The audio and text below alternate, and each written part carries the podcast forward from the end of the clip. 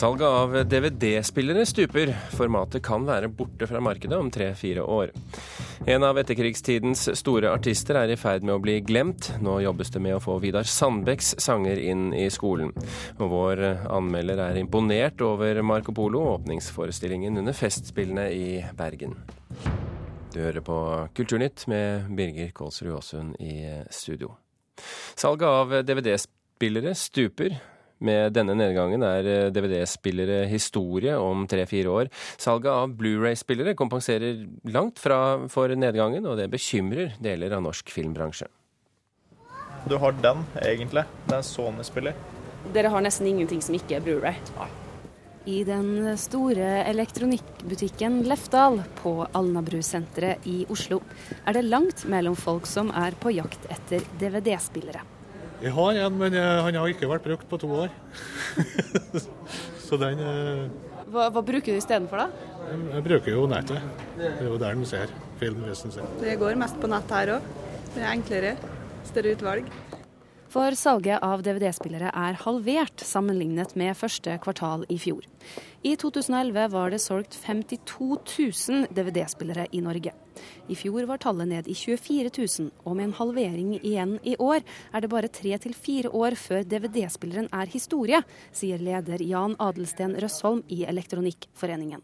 Ja, det er to årsaker. Altså, du har jo Blu-ray, som da er et, et bedre bildeformat på, på, på, på, film.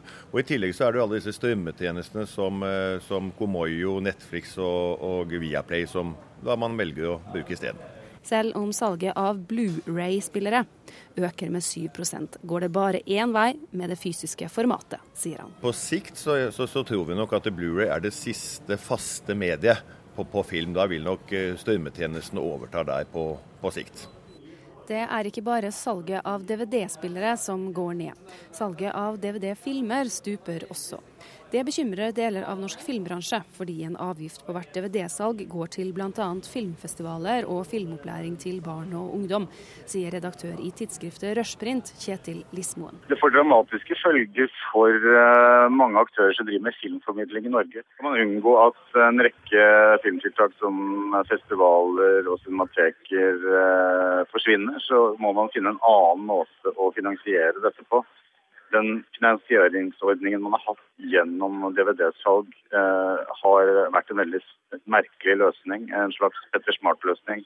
Og nå ser vi jo svakheten ved, ved, den type ordninger. Regjeringen har planer om å avgiftsbelegge streaming og nedlasting av film, men når og om dette blir noe av, er usikkert. Kundene hos Lefdal på Alnabru i Oslo mener filmbransjen må finne nye måter å tjene penger på. De tror jo Blu-ray skal ta over, men det har jeg ikke noe tro for. Kommer nok helt sikkert til å bli borte. De tapte jo penger, de som produserte hestevogner, når bilen kom. Reporter her, det var Eirin Venås Sivertsen.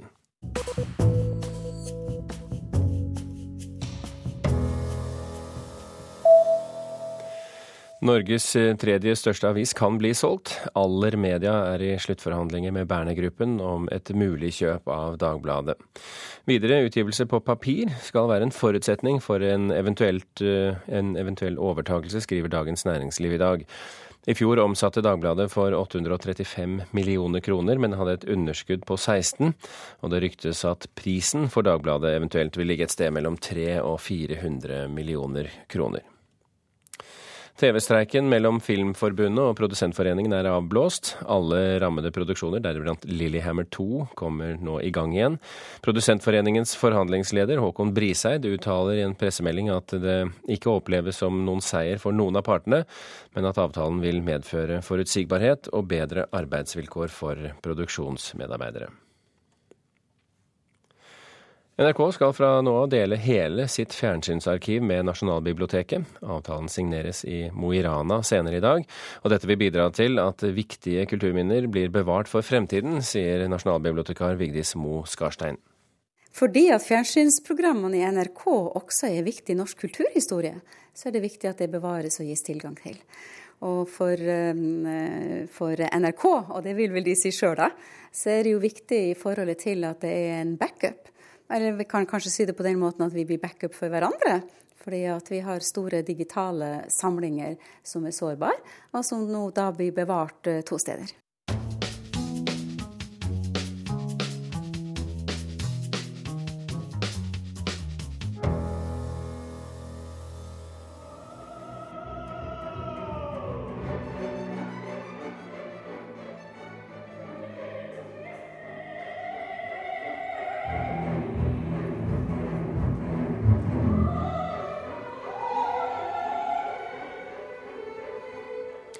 Ja, slik låt det i Grieghallen i går kveld under åpningsforestillingen på årets festspill i Bergen. Operaen Marco Polo med musikk av kinesisk tandon ble da fremført i en oppsetning i regi av Bergen Nasjonale Opera med Bergen Filharmoniske Orkester, Kor Vest og solister. Og musikkanmelder her i P2, Øystein Sandvik, du var på denne forestillingen. Hva slags inntrykk sitter du igjen med etter å ha sett den?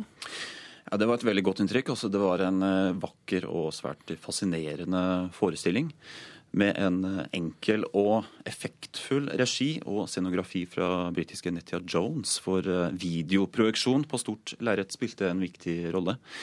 Og så er det musikk fra Tandon som blander eh, østlige og vestlige elementer på en veldig personlig måte, og da ikke minst et internasjonalt solistensemble som klarte veldig godt å håndtere Tandons særegne stil, som da blander østlige og vestlige vokalelementer.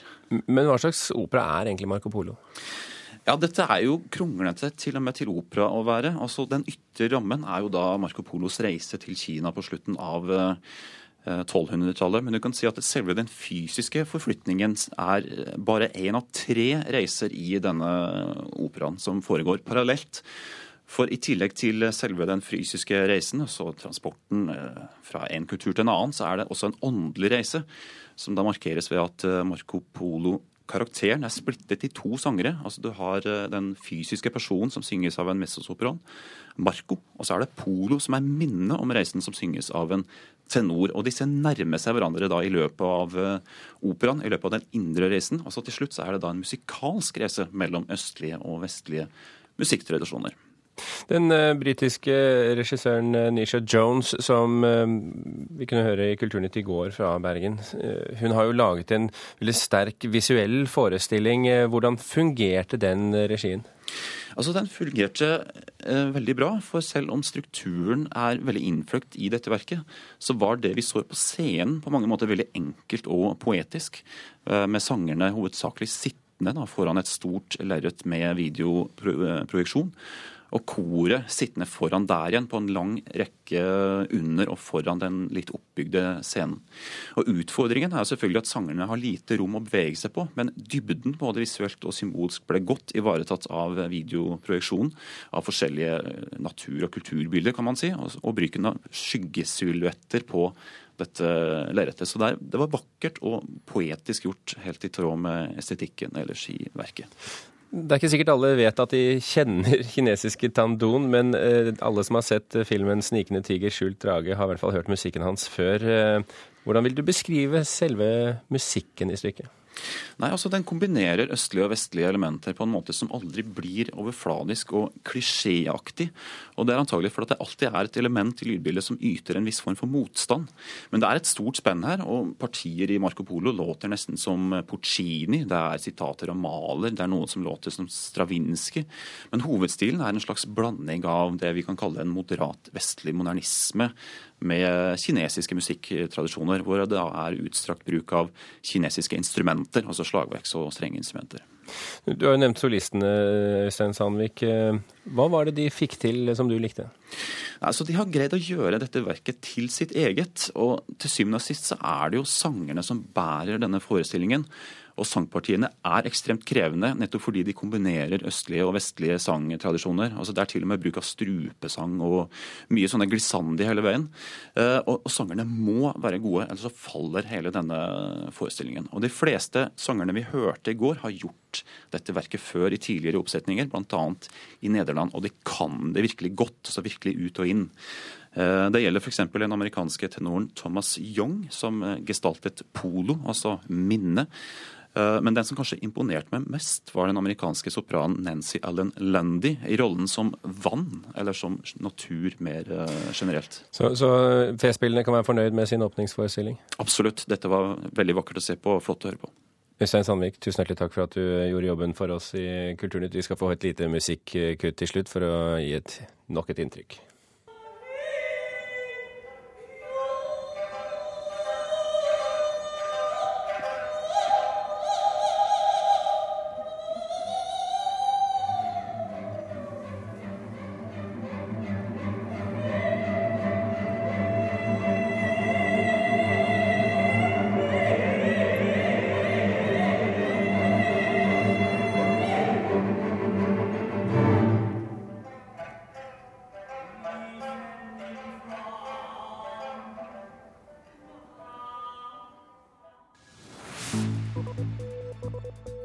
Klokken er eh, drøyt 15 minutter over åtte. Du hører på Kulturnytt, og dette er toppsaken i NRK Nyheter akkurat nå. Flom skaper store problemer på Østlandet. Over 300 mennesker er evakuert. Og Forbrukerombudet mener flere selskaper som markedsfører raske lån på internett, radio og TV, bryter med god forretningsskikk. Visesangeren, komponisten, musikeren og forfatteren Vidar Sandbekk regnes som en av våre mest betydningsfulle kunstnere i etterkrigstiden.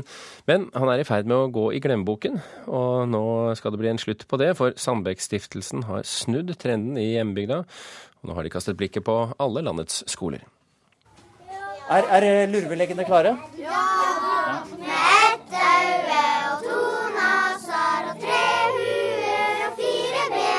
De synger Vidar Sandbekk av full hals, 2A på Rena skole. Det er ungdom og det er drømmer, det er lengsel i alle hjemmer. Sjå det gynger, sjå det gynger i en fin menuett. Forfatteren, komponisten, musikeren og barnetimeonkelen fra Åsta i Østerdalen regnes som en av våre mest betydelige kunstnere. Men mange vet ikke lenger hvem han var. Dette må vi gjøre noe med. Vi må få stoffet Hans Vidar ut eh, blant eh, de ungene som nå vokser opp. Sier Tom Erik Tangen i Sandbekk-stiftelsen, som jobber for å holde Vidar Sandbekks kulturarv levende. Og gubben satt i kveldinga og koste seg med kjellinga. I samarbeid med skolene har stiftelsen nå satt Vidar Sandbekk på timeplanen for elevene i første til tredje klasse. En egen Sandbekk-CD er laget for at ungene skal lære sangene. Og gubben satt i kveldinga og koste seg med skjellinga. Kroner én, kroner to, kroner tre, kroner fire, kroner fem, kroner seks, kroner sju, kroner åtte, kroner ni. CD-en der skuespiller Anne Flugstad og musiker Frode Berntsen framfører Sandbekk-viser, er delt ut sammen med tekster og noter til alle de tre barneskolene i kommunen. Hensikten er å gjøre sangskatten og den anerkjente kunstneren kjent. For fattig og for. Jeg er ikke så sikker på at unger i dag har noe direkte forhold til den. Så jeg tror det er sunt å få den fram igjen. Og vise at han var en multikunstner. Sier rektor Trond Ole Myhrvold ved Rena barneskole. Jeg tror at i en periode nå så har han blitt litt glemt. Rektoren mener Vidar Sandbekk ikke har fått den oppmerksomheten han fortjener, og sier det er viktig at skolen setter Sandbekk på timeplanen. Ja, jeg syns det. Vi kan mye om Alf Prøysen, det er greit. Men det er jo mye bra med Vidar Sandbekk òg, som kanskje har vært litt skjult på en eller annen måte. Nå spilles det Sandbekk-viser hele tida på Rena skole. Der er det pengegaloppen her, tror jeg. Nå hører de på nå, vet du. Så det er Sandbekk hele tida, og til og med i matpausa? Det blir litt i matpausa òg. Det er artig, da. Hva syns du om de sangene dere driver og øver på, da? Ja, ganske bra. Kjempebra. Eh, jeg syns det er morsomt å synge. Og sjøl om det er mange vers, går det greit å pugge dem. Hvis man, hvis man eh, gjør det én gang, da har man egentlig hele verset inni seg. Han tar seg frokost på en furustubbe og heter Lurvelegg og er en gubbe. Sandbekk var både musiker, komponist og forfatter, og har skrev 400 viser og et trettitalls bøker for barn og voksne.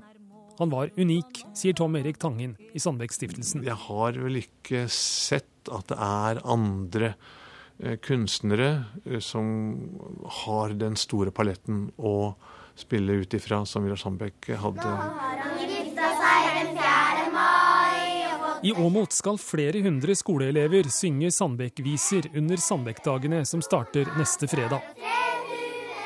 Nå mener Tom Erik Tangen undervisningsopplegget må ut til flere skoler. Ja, helt opplagt. Jeg er helt sikker på at dette er spennende for ungene å, å høre om.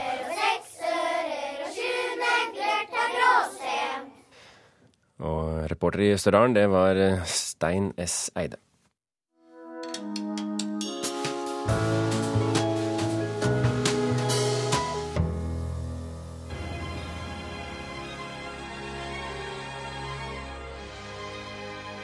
Awaken the divine presence which sleeps in its man, its woman. Know each other in that love that never changes. Dette er eh, regissør Terence Malicks nye film 'To the Wonder', som har norgespremiere i morgen, fredag 24. mai.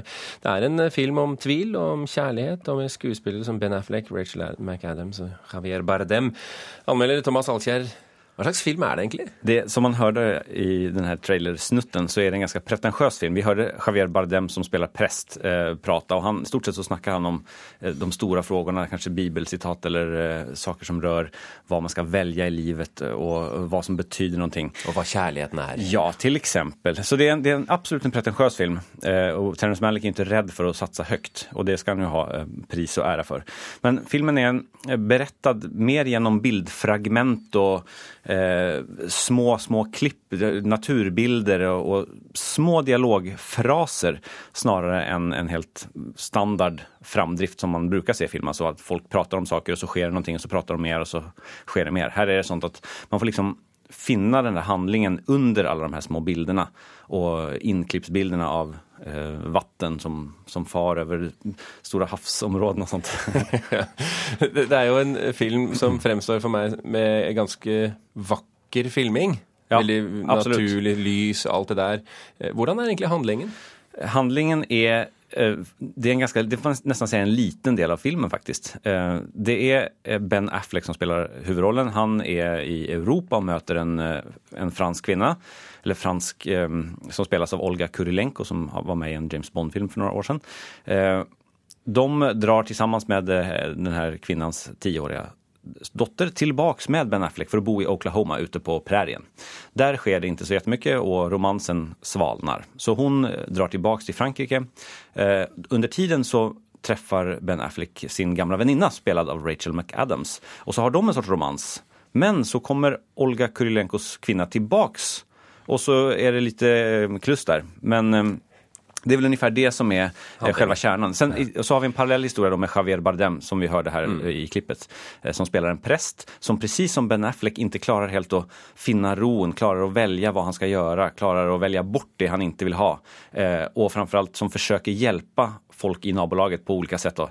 Ben Affleck är en sorts biolog som jobbar med provtagning av kemigrejer och prästen försöker hjälpa fattiga. Så ingen riktigt klarar att få till det.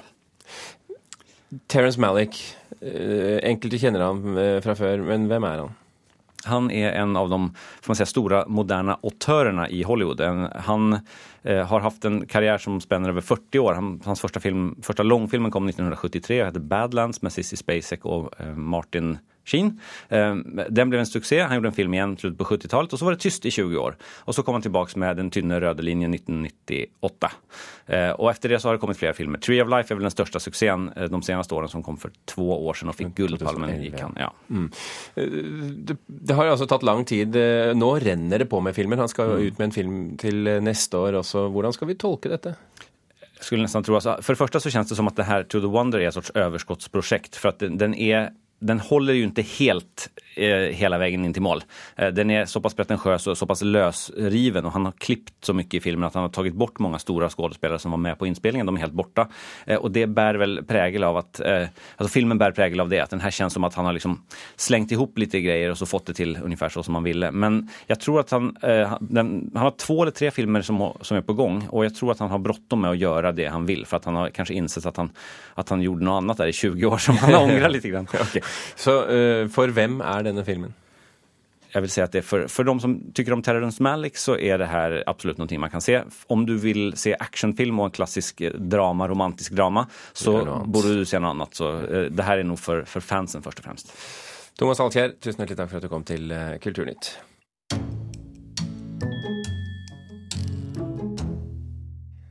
I går kveld gikk boksamlingen til arkitekten Ragnar Anker Nilsen under hammeren på Dams antikvariat i Oslo. Blant eh, gamle og verdifulle bøker om friluftsliv, reise og opprettelsen av Universitetet i Oslo var det én bok som skilte seg ut, både når det gjaldt estetikk og pris. Men de aller fleste bøkene var oppnåelig priset. 18, 19, 20, 21, 22, 23, 24, 25, 26, 27, 28, 29, 30. 3002. Noen imot? 3002 til nummer 70.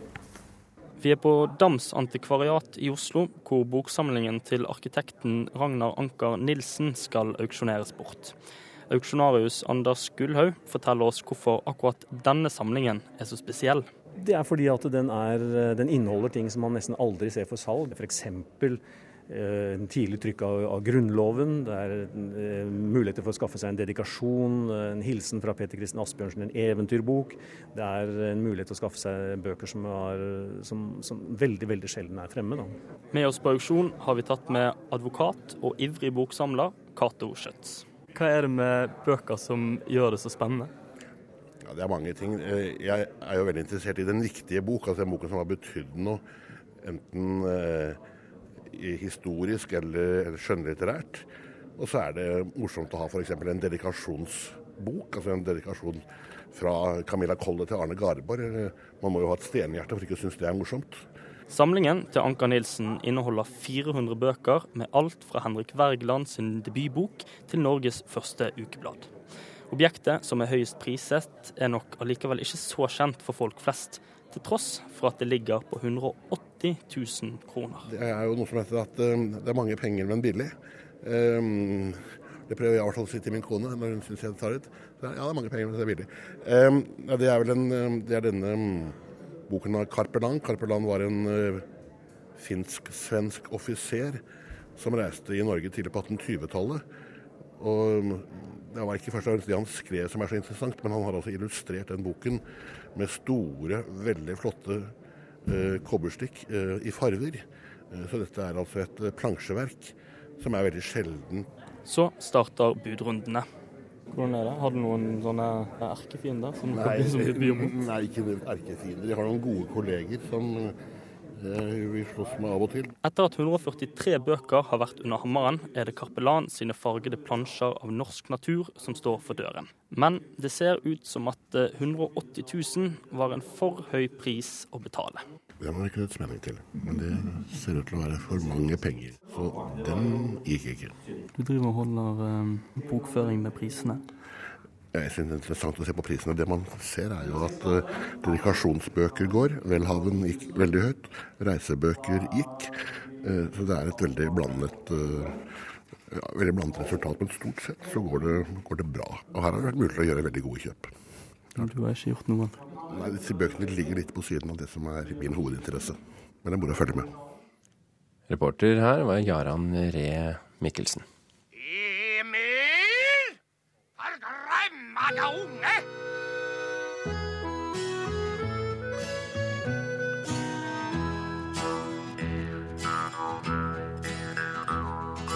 Hör nu på god vänner så ska jag för er berätta vad en gosse gjorde Ja, Det er lenge siden, for eh, Astrid Lindgrens Emil i Lønneberga fyller år i dag. Det er 50 år siden den svenske barnebokforfatteren skrev de første setningene i serien som skulle bli en suksess både i bok og TV-form verden over. I 1977 ble det kontrovers da NRK ønsket å sensurere en scene der den tidvis uregjerlige pjokken Emil heiste sin søster Ida opp i en flaggstang, skriver eh, Dagbladet i dag. Chicago, Judy Chicago, et ikon innen amerikansk kunst og amerikansk feminisme. Verdenskjent for installasjonen The Dinner Party. Hun er for første gang i Skandinavia, og du møter henne i Kulturnytts ettermiddagssending i dag klokken eh, halv fem på P2. Kulturnytt var i dag med produsent Vidar Sem. Tekniker var Frode Thorshaug, og Birger Kolsrud Aasund satt her foran mikrofonen.